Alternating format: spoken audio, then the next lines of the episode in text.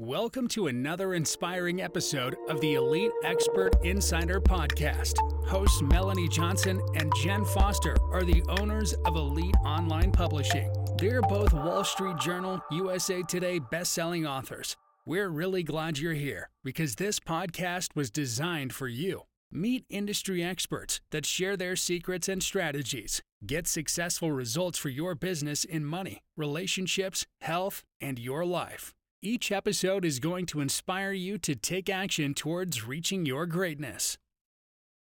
Hey everyone, it's Melanie Johnson. Welcome, welcome. We hope you're having a super great day. I'm here with Jenn Foster, my business partner at Elite Online Publishing. Hey, Jenn. Hey everyone, how's it going today? All right, awesome. We are here to, of course, educate you, motivate you, and inspire you as always. And if you have a business or you're thinking about starting a business, you need to have strategic planning.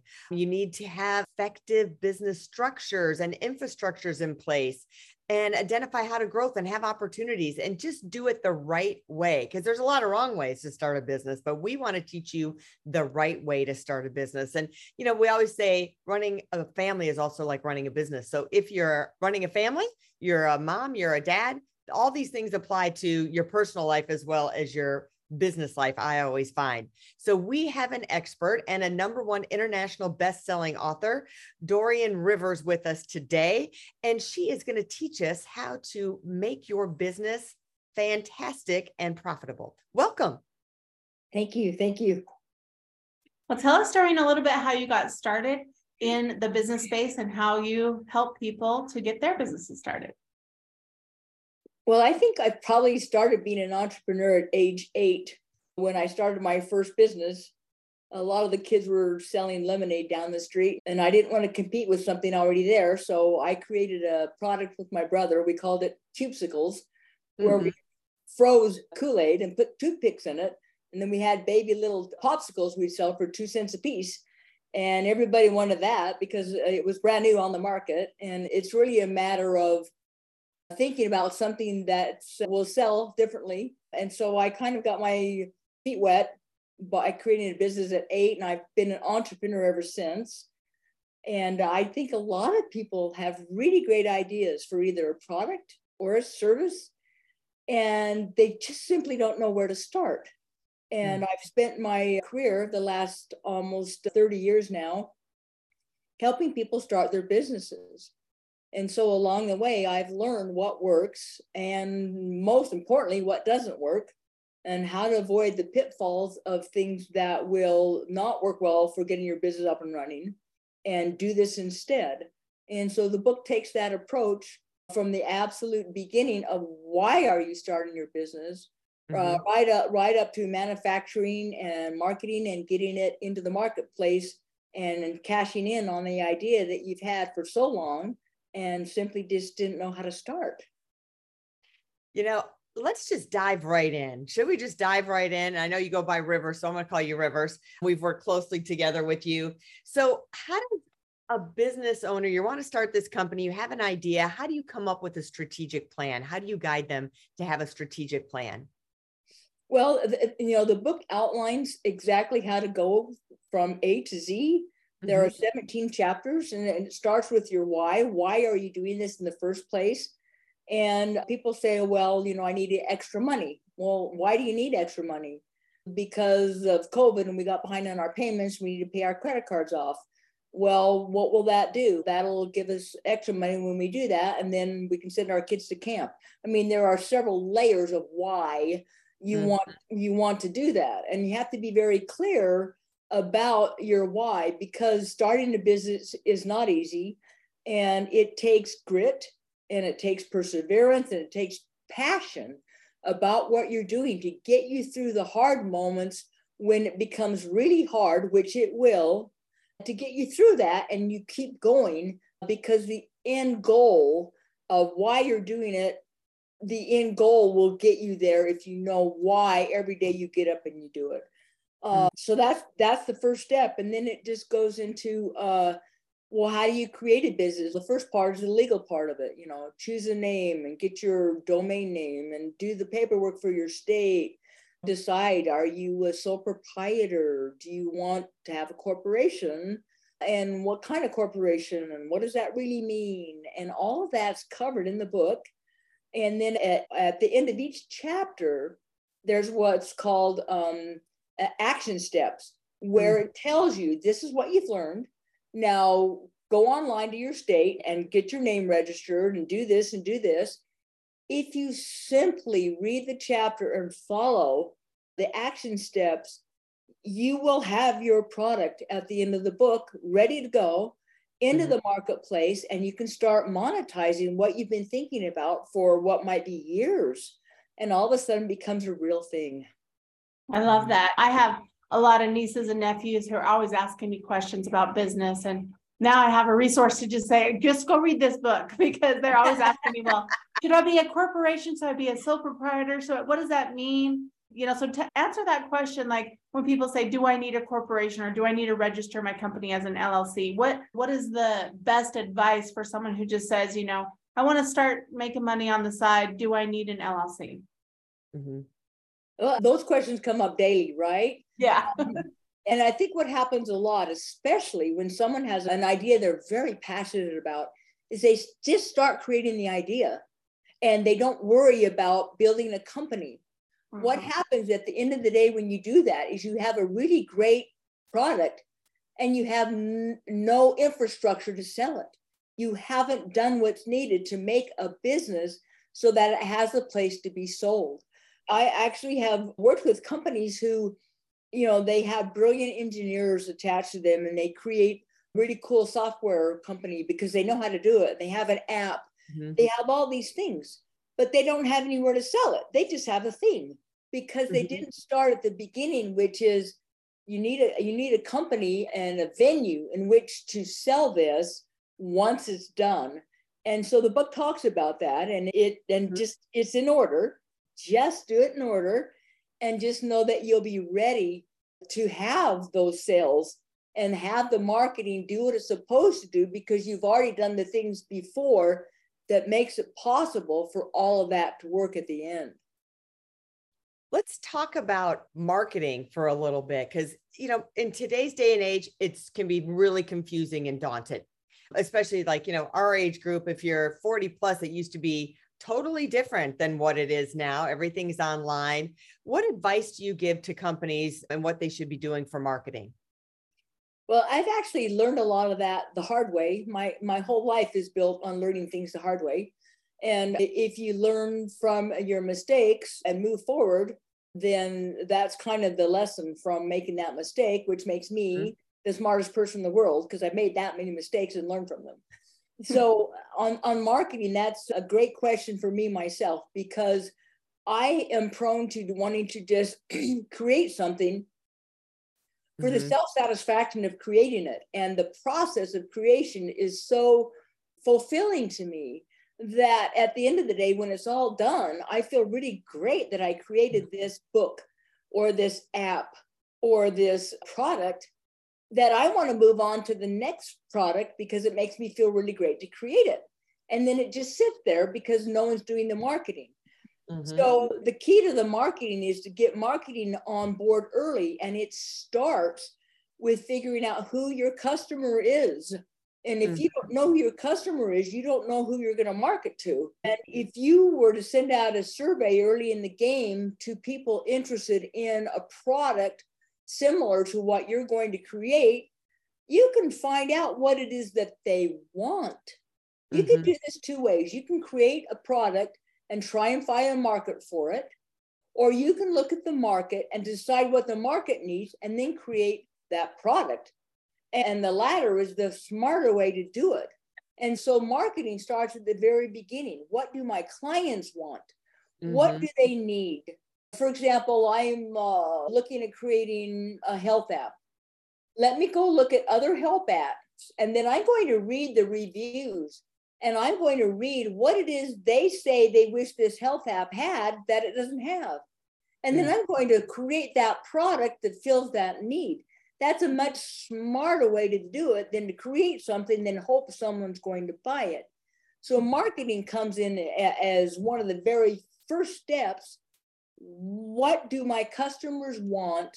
And then how do I fulfill that need? It's mm-hmm. at the beginning. Mm-hmm. I love that because I think a lot of times people think, oh, I have this great thing and it works so good. And, but they don't really know who really needs it. And they don't have their audience at all. And yeah. so then they have nowhere to, no one to sell it to. Because they're like, oh, this widget works so great. But they have no one to sell it to because they know they don't know anyone that needs it, right? That's exactly a cool thing. That's exactly the point. Figure mm-hmm. out what people need and then go do that. But that that's marketing. That's doing yeah. the research and doing the surveys and the things that give you that information as to what it is people are looking for. Oh, okay, I can do that. Yeah.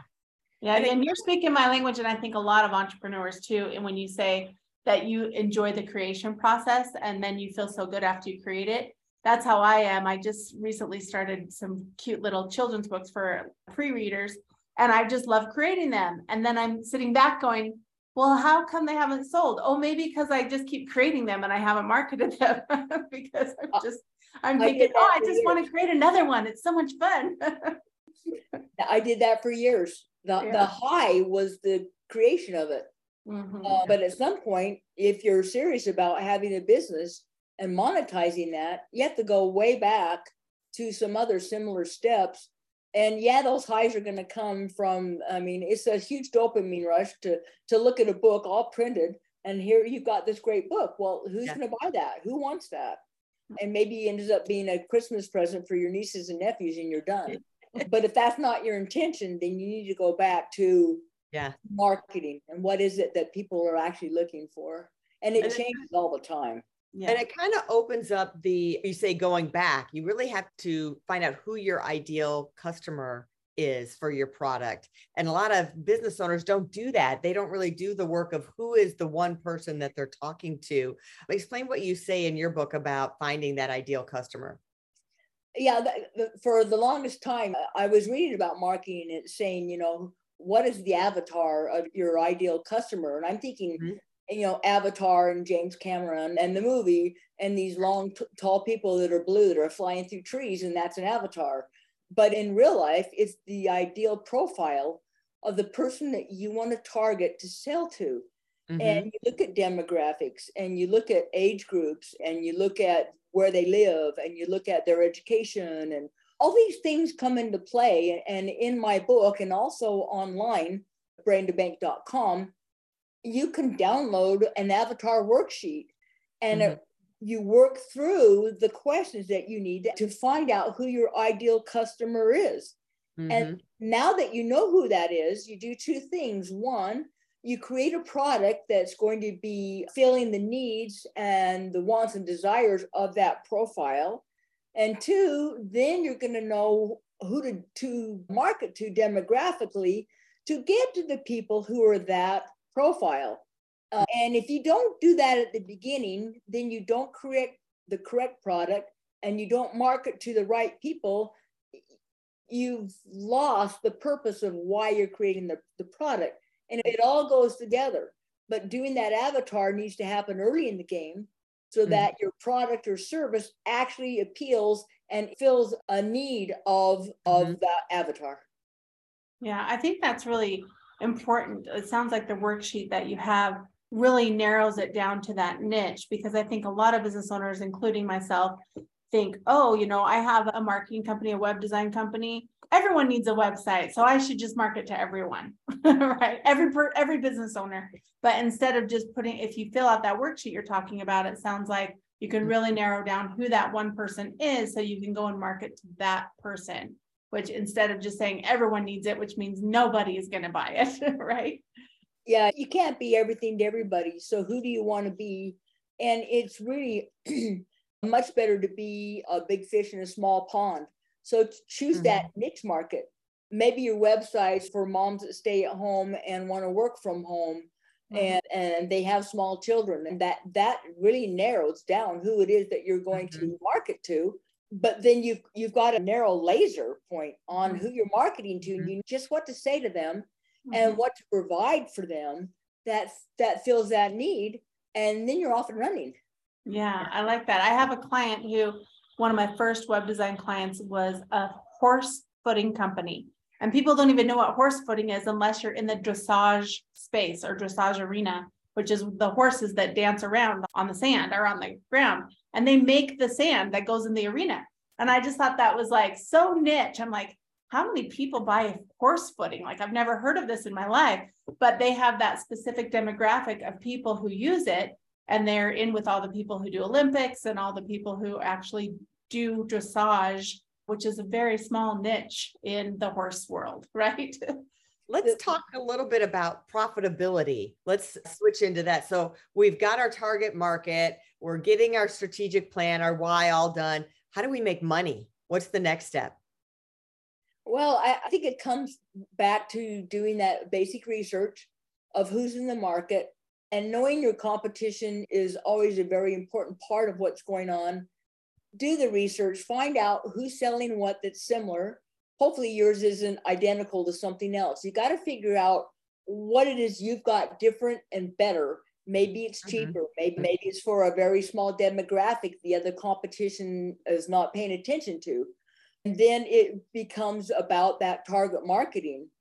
And if you can nail who your customer is and get that right down to the specifics, and your marketing is targeted there, mm-hmm. the profitability takes care of itself because you've you're filling a need because you've already done your homework as to what that need mm-hmm. is, and then the sales start coming, and then, of course, you have to figure out the word of mouth part of that, which is always the best marketing, yeah. and get people talking about it. And so that comes with blogs and comments and social media postings to where people are reading about it and they become exposed to it. And people who have experience with your product are saying, yeah, this is really great. You should try it. And it's, it's a snowball effect and it's a very small little snowball in the beginning and if you do it right, hopefully that rolls down the hill and becomes a bigger small snowball as you go. Yeah. I think you have to still reinvest in your company. I mean, some people can make a profit, but if they're not running their company profit uh, properly, then the profit doesn't matter because they haven't structured their company correctly. Well, I think that's a great point. And the other part is this: if you've ever watched uh, Shark Tank, at the end of the day, every single one of those people standing up there sweating bullets, the people who are thinking about investing in your company, they want to know the numbers. Mm-hmm. If you don't know your numbers, you don't win. You mm-hmm. have to know enough about finances. And that's why there's a chapter in the book about finances.